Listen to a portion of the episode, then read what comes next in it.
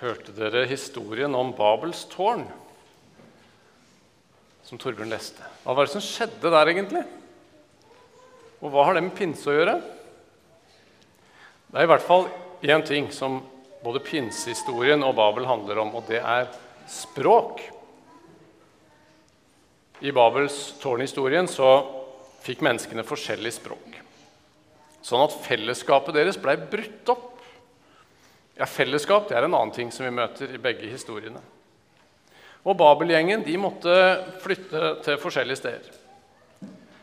Det som hadde skjedd, det var at de var blitt så sikre på seg sjøl at de ville bygge seg opp til Gud. De ville bygge et tårn til himmelen, bli som Gud. Og så minnes vi på at det er ikke sånn vi skal bruke fellesskapene våre.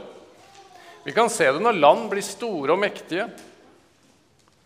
Så er fristelsen til å ta seg til rette og ikke la Gud styre, men heller bli den som forsøker å styre Gud. Sånn var det i Romerriket, hvor Cæsar ble keiseren, etter hvert ble regna som guddommelig. Kanskje kan vi se hos vår store nabo i øst at kirken blir underlagt noen andre. Kanskje må vi ikke reise så langt for å se tendenser. Det er ikke sånn vi skal bruke nasjoner. Det er ikke sånn vi skal bygge fellesskap i kirke og i menighet. Forsøke å klatre opp, komme nærmere Gud, bygge oss høyere enn de andre. Vinne oss et navn, sto det i historien. Det var de ute etter. Pinsehistorien skal fortelle en annen fortelling. Den skal fortelle oss at Gud vil komme ned til oss i stedet. Han, Gud, Gud skaperen sjøl, han vil gi oss et navn. Han vil gi oss sitt navn. Så vi ikke bygger tårn til himmelen, men heller venter at Han kommer ned til oss. Og fellesskapet det er stedet for å søke, for å vente på Gud. Han gir oss noe felles. Han gir oss sin ånd. Og dette, Hans ånd, det kan igjen knytte oss sammen på tvers av folk og stammer. Men Gud gjør et skikkelig språkunder, skal vi få se snart og høre i pinsehistorien. Det motsatte av Babels tårn. Da blei de bare forvirra. Men nå er skillet fra Babel oppheva. Pinse er starten på en helt ny tid. Nye fellesskap. Og en gang, der framme i himmelen, så skal vi igjen få det samme språk. Skal vi snart lese teksten sammen? Først så skal vi synge et høytidsvers. Det gjør vi på høytidsdagene. Og Det er liksom for å vise at det er ekstra fest. Og I det verset vi skal synge, så står det om at Den hellige ånd er en himmellue. Det er kanskje ikke et ord du bruker mye. Men kanskje kan dere også gjette hva det betyr. En himmellue. Dere husker kanskje de ildtungene som setter seg på disiplene? Som en lue. Det er det det handler om. Ja, Nå synger vi, og så leser vi teksten sammen etterpå.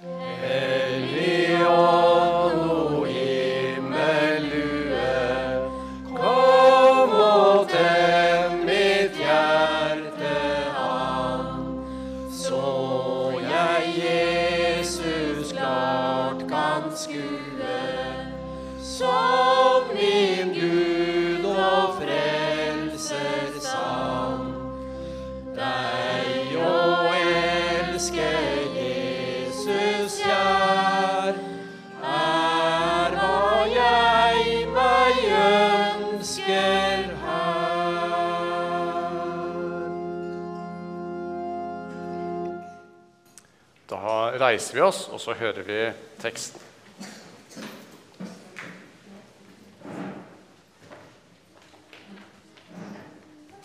Da pinsedagen kom, var alle samlet på ett sted. Plutselig lød det fra himmelen som når en kraftig vind blåser, og lyden fylte hele huset hvor de satt. Tunger som av ild viste seg for dem, delte seg og satte seg på hver enkelt av dem. Da ble de alle fylt av Den hellige ånd, og de begynte å tale på andre språk ettersom Ånden ga dem å forkynne. I Jerusalem bodde det fromme jøder fra alle folkeslag under himmelen. En stor folkemengde stimlet sammen da de hørte denne lyden. Og det ble stor forvirring, for hver enkelt hørte sitt eget morsmål talt. Forskrekket og forundret spurte de, er det ikke galileere, alle disse som taler? Hvordan kan da hver enkelt av oss høre sitt eget morsmål? Vi er partere og medere og elamitter Folk som bor i Mesopotamia, Judea og Kappadokia, i Pontos og Asia, Frygia og Pamfylia, i Egypt og i Libya-området mot Kirene, og innflyttere fra Roma, jøder og proselytter, kretere og arabere. Og vi hører dem tale om Guds storverk på våre egne tungemål. Slik lyder Herrens ord.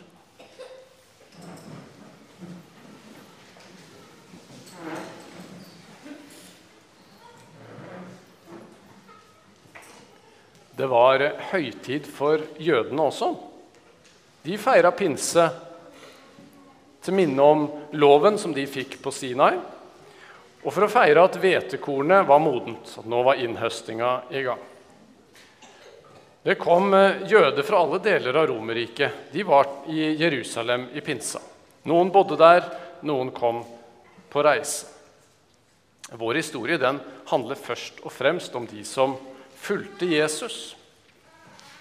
Ja, hvem var det som var samla? Det står at det var disiplene litt tidligere, men ikke bare de tolv. Det var også en god gjeng med kvinner med. Jesu brødre er nevnt. Og et sted så står det at de var 120 stykker. Så det var en ganske stor flokk, sånn som vi er her i dag, tenker jeg. Og nå var alle samla på ett sted. Alle samla på ett sted. Har du tenkt på det? Thomas han hadde jo tidligere prøvd å ikke være med i gjengen. Husker dere på påskedagen når Jesus viste seg for disiplene? Og så var ikke Thomas der. Han gjorde nok ikke den blemma igjen. Nå var han på plass, og det var bra.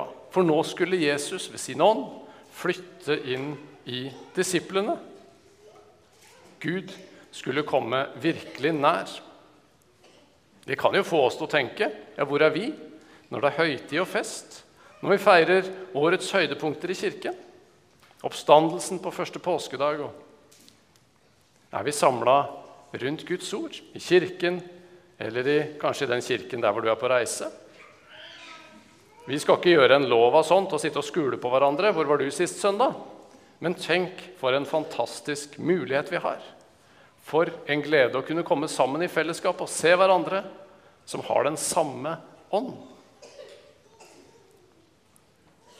Det var viktig for den gjengen her i Jerusalem å være sammen i fellesskapet med de andre troende. Det angra de ikke på. Jeg tror heller ikke vi angrer når vi møter trossøsken i kirken på søndagen, og spesielt i høytidene. Det er noe til deg i kirken hver eneste søndag. Det kan vi stole på at Den hellige ånd vil bruke noe av det som synges, som bes, som forkynnes eller som leses fra Bibelen. Den hellige ånd vil gi deg noe av det, selv om noe kan føles fremmed og Nei, det var liksom ikke for meg. Og så er det flott, og det fikk vi erfare i koronatida da. Det er flott å kunne følge med digitalt. Og du får, om Telenor vil, de samme orda der som det du gjør her i kirken. Men så får du noe enda mer når du er fysisk til stede. Det er fint med hjertesmileys og smilefjes, men det er noe annet med en klem, et håndtrykk, et smil og kirkekaffe. Men Den hellige ånd, han jobber begge steder. Der hvor to eller tre er samla, sier Jesus, der er han midt iblant. Han vil komme ned til oss med sitt nærvær. Han vil være vår Gud. Det er fantastiske løfter vi er samla om i pinsa. Så skjer det noe helt konkret i historien. Det kommer lyden av vind, og det kommer ild. Noe som ser ut som ild. Og det er det neste vi skal stoppe for i dag. Når vi skal forstå hva som skjer i pinse, så er det som alltid god hjelp til å gå tilbake til de gamle historiene i Bibelen for å se hva vi kan lære der. De er alltid nøkler til å forstå hva som skjer i Det nye testamentet. For Bibelen er en stor, sammenhengende fortelling, og da må vi jo ha med oss den første delen. Vi husker ånden svevde over vannet i starten. Ånden var aktiv helt fra begynnelsen, i første skaperakt. Og Guds ord i Det gamle testamentet det peker oss framover mot jul, mot påske og mot pinse og det som skulle skje. Det skjedde sånn som Gud gjennom profetene hadde åpenbart og fortalt. Så skal vi se litt på ilden i dag. Det at Gud viser seg i flammer, det er ikke noe helt nytt. Kanskje husker du tornebusken og Moses. Også der var Gud til stede. Han talte til Moses ut fra tornebuska, og også der var det flammer som ikke brant opp noe. Det skal peke oss fram mot pinse. Fra den buska så talte Gud til Moses. Ja, det var bare Moses den gangen. Og så skulle Moses gi ordet, loven, videre til folket seinere. Pinsa det er starten på en ny tid, hvor Gud ja, Det er som at denne tornebuska at den flytter inn i deg som tror. Guds stemme. Så gjennom ordet i Bibelen så taler Gud direkte til deg, som han gjorde til Moses. Hans Hellige Ånd flytter inn og tar bolig i alle som tror på den tredje Gud. Men så skjer det mer i ørkenen med Moses.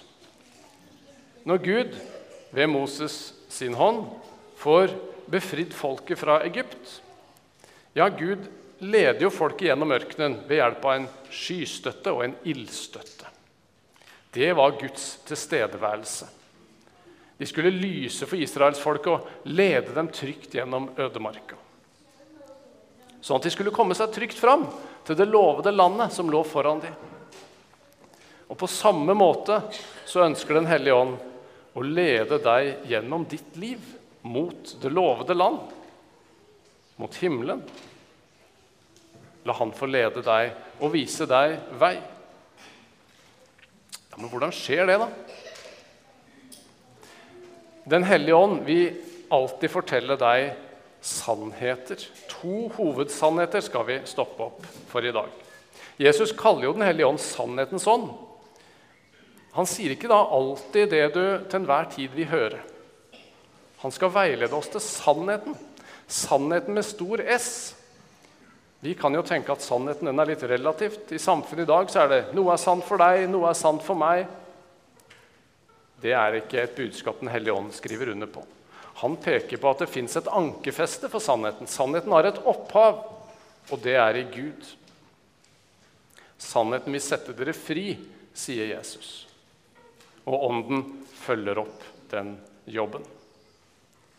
Til å vise deg den første sannheten så bruker han loven, som vi hørte Moses fikk. Du skal elske Herren din Gud over alle ting og de neste som deg selv. De ti bud. Guds gode vilje for oss mennesker, for samfunnet.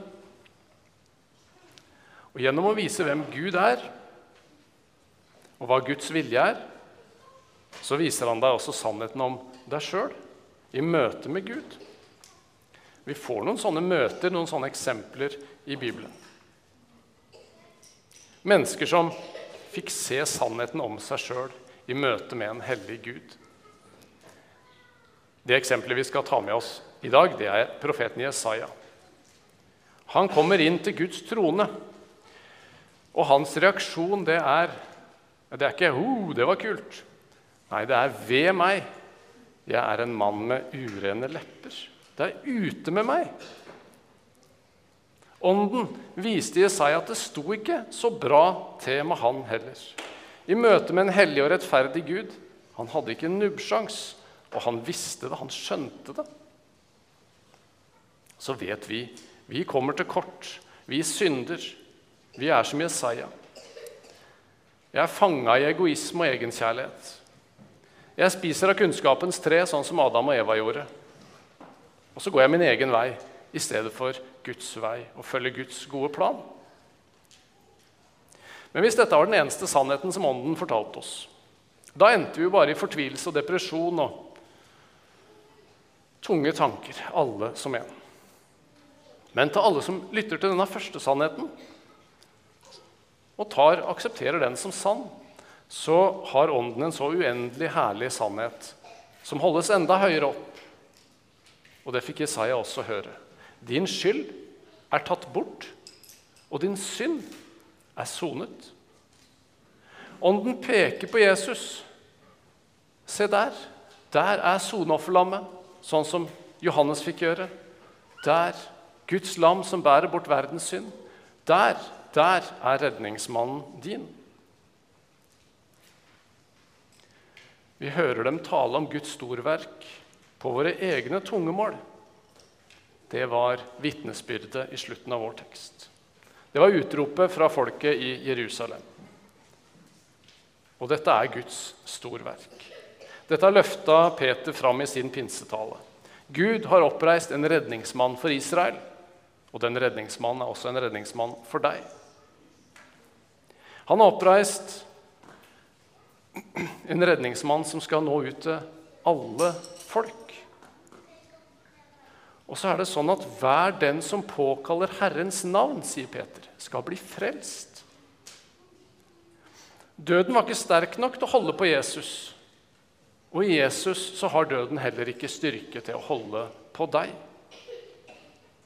Jødene i Jerusalem de ble minna på hvordan Jesus ble korsfesta og forkasta. Og det stakk dem i hjertet, står det. De fikk dårlig samvittighet. Sånn jobber Ånden. Han viste dem den første sannheten nå. Vi har synda. Og de spurte, 'Hva skal vi gjøre, brødre?' Peter, han svarte, 'Vend om og la dere døpe Jesu Kristi navn, hver og en av dere.' Så kan dere få tilgivelse for syndene og dere skal få Den hellige ånds gave. Åndens sannheter, åndens kall, det lyder også på pinsedag i dag. Ja, hver eneste dag. Jesus er en frelse for alle jordens folk. Han er frelseren din. I han så er din sak med Gud i orden. I han så eier du tilgivelse, fred og evig liv. De gavene som han rakte deg i dåpen. Og denne sannheten den vil Den hellige ånd meisle inn i hjertet vårt, på vår hjertetavle på pinsedagen. Der vil du alltid se at det er rissa inn et tomt kors, en åpen grav. Det er din seierskrans. Og på disse sannhetene Jeg er en synder, men jeg er frelst og tilgitt. Så kan du leve ditt liv med Den hellige ånd. Og om Gud vil si som Jesaja, 'Herre, her er jeg, send meg'. Ære være Faderen og Sønnen og Den hellige ånd. Amen.